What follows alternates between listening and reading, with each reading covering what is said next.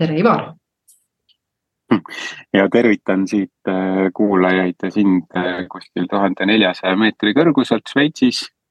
Äh, paari tuhande kilomeetri kauguselt Eestist, nii et, et kui meie heli täna on selline, et me räägime üksteisele sisse, et siis, siis te teate, et lihtsalt mõni tuhat kilomeetrit allapoole ja paremale ja vasakule on vaja sellel heli, helil levida jah, nii et vabandame ette kõikide nii-öelda siis ebamugavuste pärast jah, kõikide perfektsionistide saavad iseenda, saame ise, ise nende perfektsionistidega meie sees siis taas tegeleda eelmine, nagu eelminegi nädal. aga kuuekümne üheksas episood siis mm. -hmm.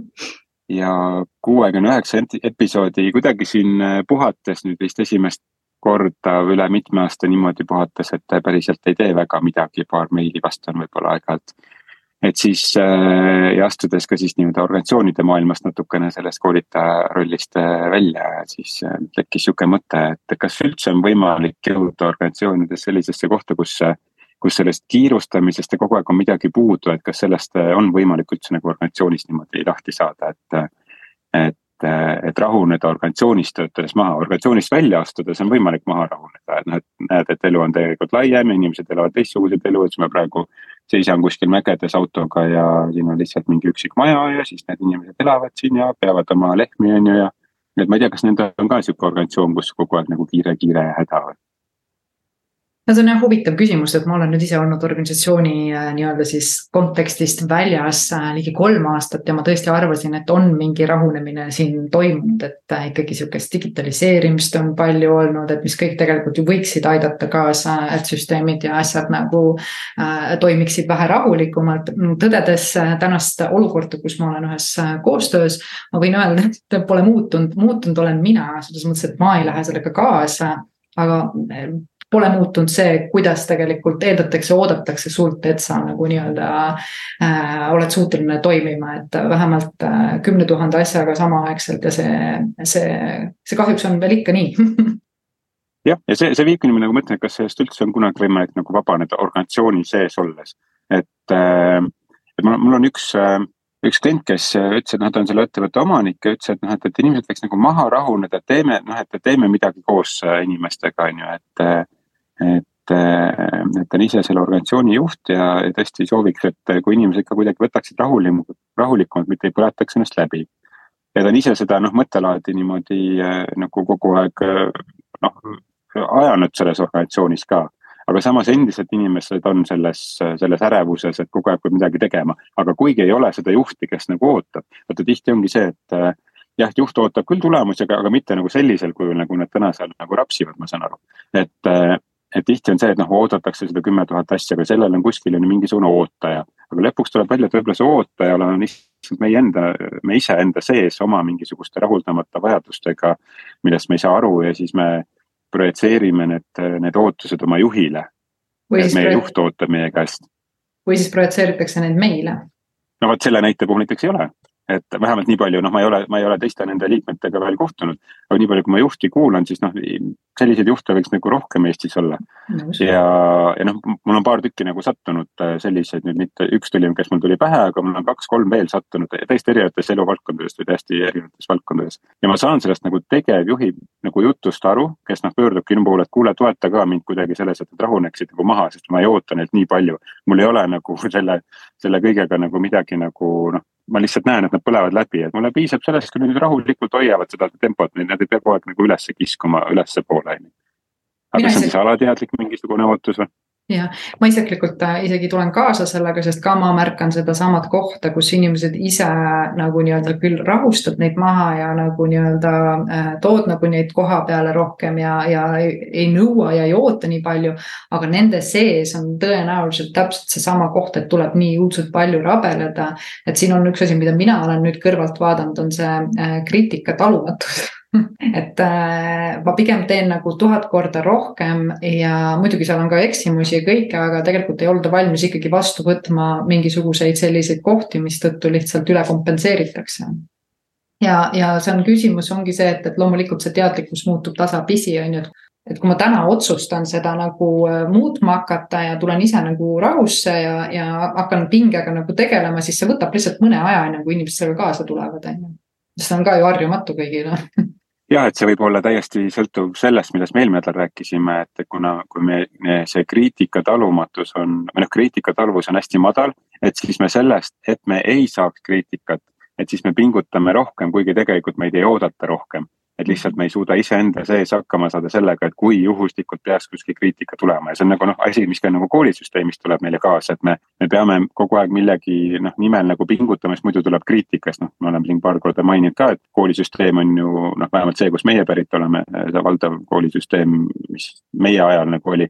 et äh, on hinne maksimum, siis me hakkame sellest allapoole tulema, et kogu aeg saab nagu kehvemaks minna, et ei ole see, et noh, et et miinimumtase on, ma ei tea, mingi kaks numbriga on ju ja siis sa saad sealt kogu aeg paremaks minna. Mm.. et noh, me oleme nagu ehitanud selle hindamissüsteemi ka inimestele niimoodi, et meil on mingi maksimum, millest saab nagu allapoole minna, et võib-olla see on ka see koht, kus see nagu tuleb. jah, võimalik küll, et see on ja needsamad need uskumused, et, äh, et kõik tuleb äh, väga raskelt ja vaevaliselt nagu meieni, et me peame väga palju pingutama ja vaeva nägema, et üleüldse elus midagi saada ja noh, eks ta ikkagi läheb sellesamale, et. kas siis võimupositsiooni või äh, rahalist hüvitist on ju, et kui sa nendest kohtadest aru saad, siis hakkab ka palju asju muutuma, on ju jah, rahalist, rahalist hüvitist, et ja selle rahaline hüvitis, noh, mis see siis on, et see on niisugune väärtus või et, et kas ma olen piisavalt väärtuslik ka siis, kui see hüvitis ei ole noh, mingist noh, mingi see võrdluses teistega kuidagi parem või, või midagi sellist, et see.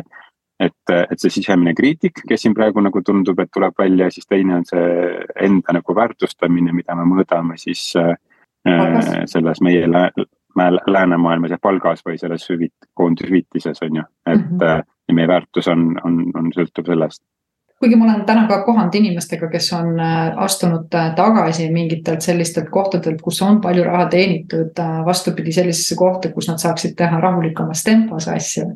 Et see on ka nagu huvitav, on ju, et, et on, on neid mööndusid, kus on saadud aru sellest, et see pole see, mis lõppkokkuvõtteks nagu õnnelikuks ja rõõmsaks teeb, on ju.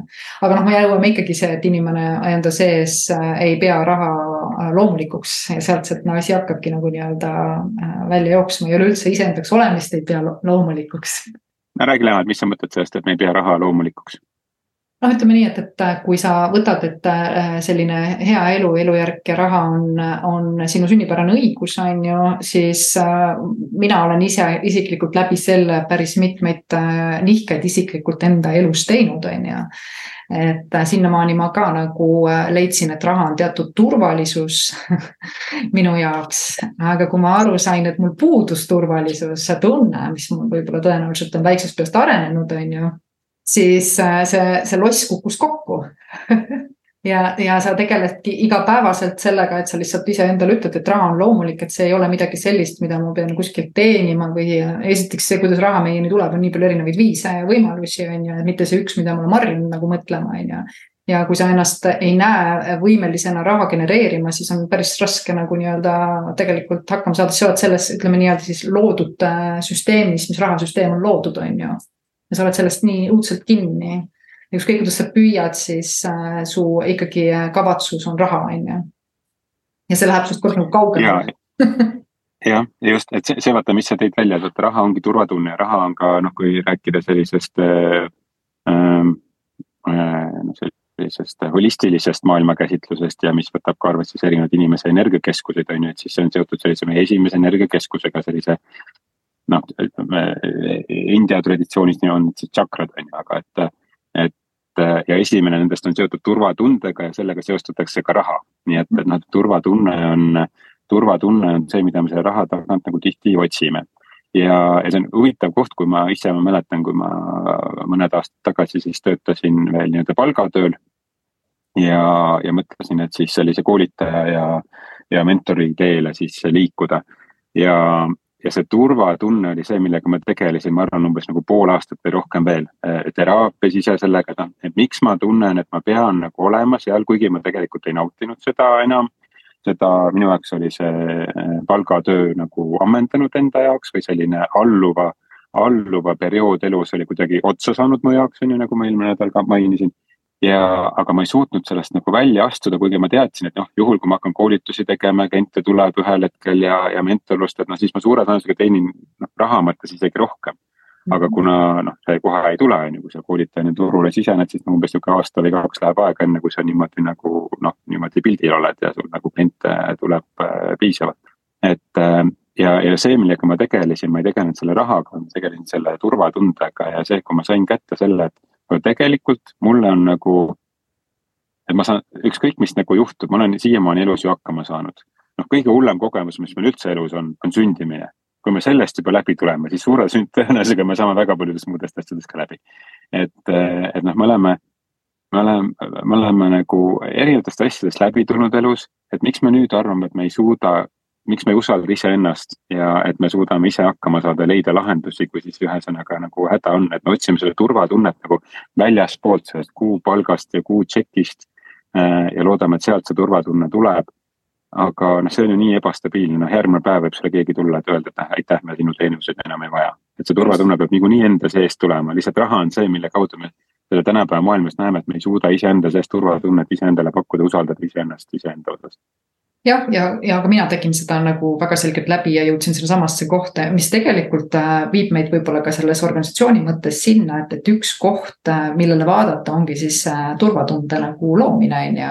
ja, ja õpetada igalühel seda endas nagu nii-öelda leidma, et võimalik, et see võiks mõnes mõttes tuua nagu nii-öelda sellise rahu, rahunemise nagu tagasi, sest et nagu sa ütlesid ka vaata oma ühes postituses on ju, et.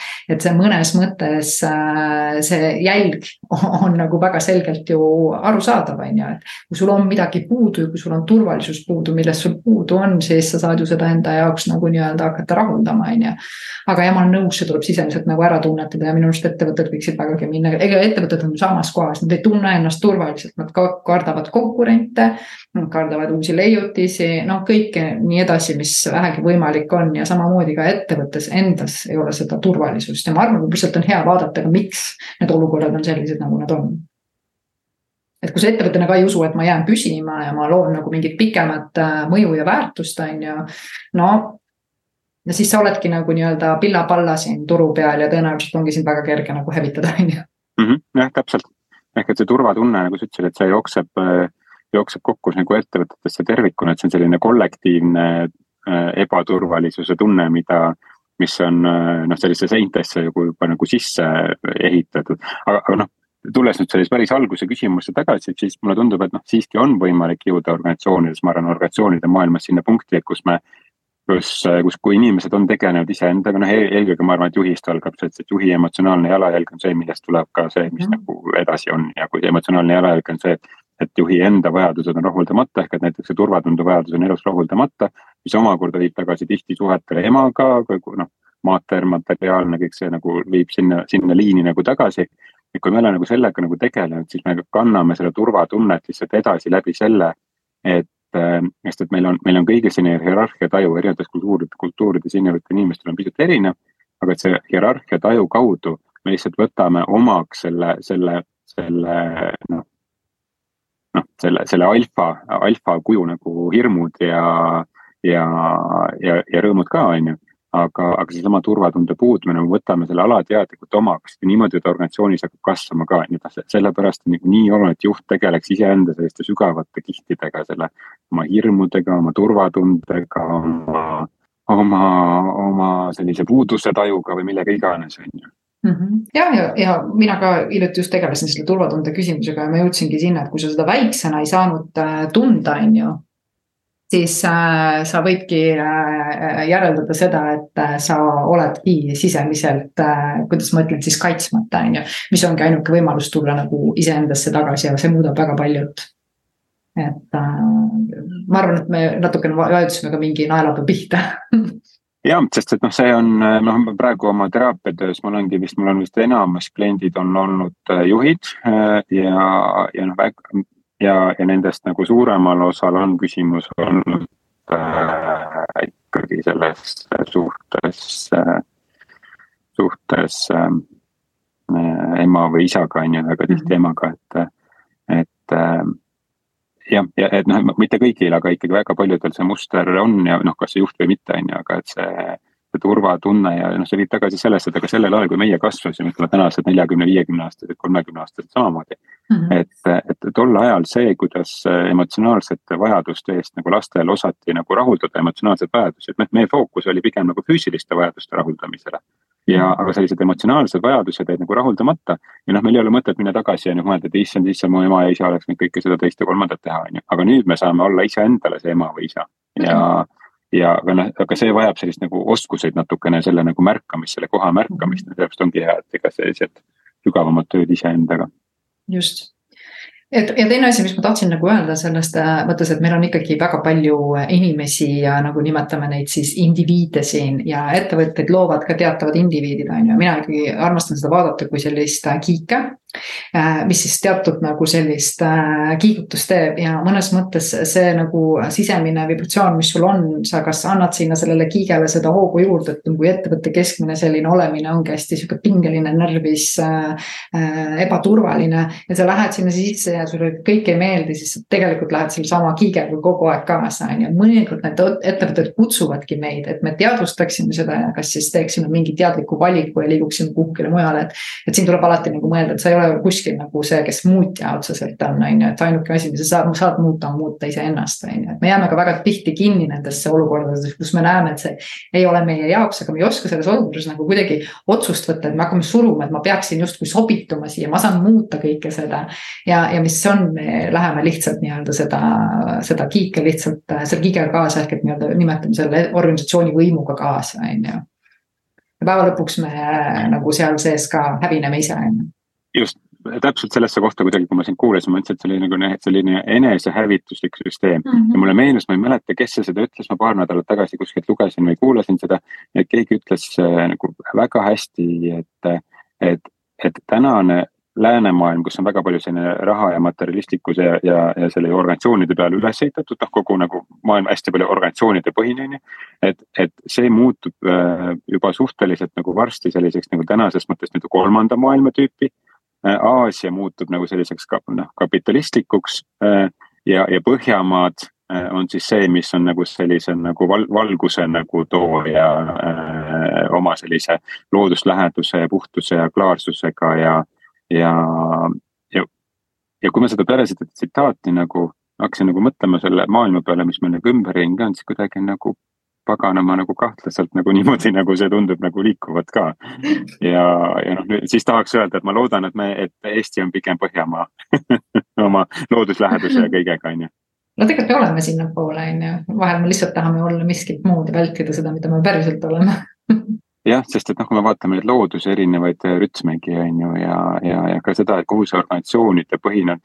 ma, ma ei arva, ma arvan, et organisatsioonid on suurepärane koht, kus töötada, aga ma arvan, et organisatsioon, kogu selline organisatsiooni kultuur on, on noh, mingi selline asi, mis nagu tänasel kujul enam ei toimi ja mida me, ma arvan, koroona ajal nägime või see, et väga paljud võist-, ettevõtted võitlesid sellega, et tegid mingeid reegleid, et noh. peale koroonat on ju, et me peame tulema kaks päeva nädalas kontorisse ja nii edasi.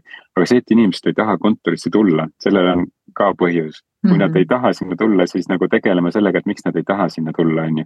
mitte ei pane reeglit, et sa kindlasti pead sinna nagu tulema kokku. loomulikult selles sotsiaalsuses ja kõiges selles, et kui sa sellest eemale jääd väga pikaks ajaks, siis sa enam ei tahagi sellesse juurde tagasi minna, seal on noh, väga palju erinevaid nagu kihte. aga, aga noh, mingi asi on see, miks inimesed ei taha või seesama see, see great resignation või mis, mis see praegune see trend on, on ju, et inimesed lahkuvad sama, noh samamoodi nagu mina, on ju ja sa ka, et noh, et lahkuvad sellised nagu palgatööd, mis on tasuv, on ju, ja kus sa oled hea positsiooni peal. ja, ja liiguvad pigem sellise ise tegemise suunas, on ju, kus ma ise valin, et noh, vaata see nädal, vaata ma nüüd ei võta kliente ja, ja ma, olen nüüd Šveitsis, sõidan siin mägedes ringi autoga ja. ja seisan seal, kus täpselt tahan ja, ja, ja teen, mis tahan, on ju. et, et noh ma teen küll tööd, aga ma ei tee tööd niimoodi, et noh, ma, ma tunnen, et mul on niimoodi nagu äh, veri on ninast väljas, et ma pean tegema. No see ikka läheb sellele otsusele, et sa tahad aja ja asukoha nii-öelda vabadust, on ju, ja vabadus on tegelikult üks meie nagu põhiolemusi ja sinna jõuda, noh, me oleme sinuga siin neid aastaid läbi käinud, on ju, et eks see on üks suur tükk tegemist, aga aga mina ka alati ütlen, et äh, tasub see tee ette võtta, kui see sinnapoole kutsub.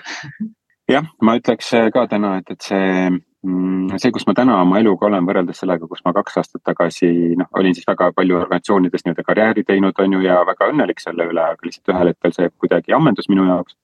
et, et see, kus, kuidas ma nagu täna olen, et ma ei kujuta ette, et, et mis asi oli see, mis ma kartsin. et jah, korraks oli tõesti hästi keeruline, et noh, et oot-oot-oot, kuidas ma nüüd hakkama saan, rahad saavad otsa, varsti kliente ei ole, aga noh. Aga ma ei hakka nüüd raha pärast kuidagi nagu tegema, et ma tahaks ikka teha niimoodi, et ma nagu hingega teen, on ju. aga see kuidagi järsku ma arvan, et see nagu põhivõtmekoht oli see, ma lasin ise jooksma siis mõtlesin, kui ta nagu peab jooksma hakkama, on ju, ma olin valmis juba, et okei okay,, et kui ikka üldse ei lähe, on ju, okei okay,, ma müün oma kodu maha, on ju, mis on noh, suhteliselt nagu suur, on ju, ja saaks üksinda väiksemas ka hakkama, tol hetkel ma olin üksinda. et, aga siis ma kuidagi lasin enda sees nagu see, et okei okay,, ükskõik mis tuleb, noh, mul on maakoht olemas, kuhu ma saan tasuta elama minna, on ju, ja noh, et ma saan hakkama, on ju, ma lasin sellest nagu pingest maha. ja, ja ma arvan, et nagu Äh, see oli mingi nädala jooksul, kus tuli, iga päev tuli kolm päringut mm. -hmm. ja mõtlesin, mis asi see nüüd on mm. -hmm. ja see oli ja, ja noh, tagantjärgi ma saan aru, et see oligi sel hetkel, kui ma lasin sellest nagu sellest hirmust ja sellest pingest äh, lahti mm. -hmm. jah, mul oli seal vaja teraapiat ka selleks väga palju, et ma laseks sellest nagu lahti ja julgeksin sellest lahti lasta ja. Ja teraapiat julgustas ja sellise grupis arutelu julgustas hästi palju, aga aga lõppkokkuvõttes ma tagantjärgi äh, vaatan, et noh, see, see tundub nagu väike hirm, aga tol hetkel tundus noh, tõesti, et kuidas ma saan hakkama, et, et. Äh, et ma olen üksinda oma koertega, sissetulekut ei tule, on ju. lihtsalt nokitsed kodus, ühel hetkel motivatsioon kaob. aga siis, kui sa lasid sellest lahti, siis hakkas kõik nagu ise liikuma sinnapoole, ehk et no äh, taoismis on see, et kui sa oma tao leiad või sellise Hiina nagu sellises mm -hmm. meditsiinis ja kui sa oma, oma tao leiad, kui sa oma tao järgi elad. noh, siis sa oledki terve tegelikult ja ma arvan, see oli õige nagu nii-öelda lähenemine ka enda jaoks, kui asjad läksid jooksma, aga sul on õigus, et see, kui me laseme hirmust lahti, see on ja mina olen ise praegu praktiseerinud seda, et. ma lähen julgelt vastu sellele hirmule, lihtsalt ma ütlen, ma ei karda ja, ja see on nagu nii huvitav, kui palju nagu sa sisemiselt kasvad. ja shift'id on ju, sest et paratamatult enne seda ma tundsin, kuidas ma ikkagi neid hirmukohti lükkasin nagu ära ja proovisin nagu neist mööda minna, on ju. aga kui sa sellele kohale otsa vaatad, noh no mis ta siis sulle teha saab, iga hirmuga on niimoodi, hirm kaob lihtsalt ära, kui sa seda otsa talle vaatad, on ju ja ma võin siia lõpetuseks kohe oma reisi pealt praeguseid näite tuua, ma nüüd kolmas päev siin Šveitsis rentisime auto on ju, sõitan autoga, no ma olen enne ka mägedes sõitnud, aga mitte väga palju. ja siis see meie Airbnb on selline nagu mäenõlva peal selline noh, ikka täitsa selline noh, ikka, ikka külakoht on ju, või noh. üks, üks maja mäenõlva peal on ju mhm. ja, ja esimene päev äh, siis see tee sinna seal oli kaks erinevat teed, üks oli järsk ja teine oli noh, tsipakene natukene veel järsem, on ju. ja GPS juhendas sellesse, sellesse mäkke, on ju, ja, ja ma ei julgenud minna. ja täna ma läksin ja ma nägin siukseid vaateid, mille peale ma enne üldse ei tulnud. nii et, et lihtsalt julgeme asju ette võtta ja siis tulevad need ka. täpselt, me küll julgustame täiega. just. aga vahva. nii et olgem julged vahva ja sinul siis mõnusat äh, reisi jätku seal ja, ja peatsete kohtumisteni siis järgmisel nädalal. ja aitäh. siis sa oled tagasi Eestis ja olen tagasi väga vahva, aga tšau-tšau kõigile. tšau-tšau.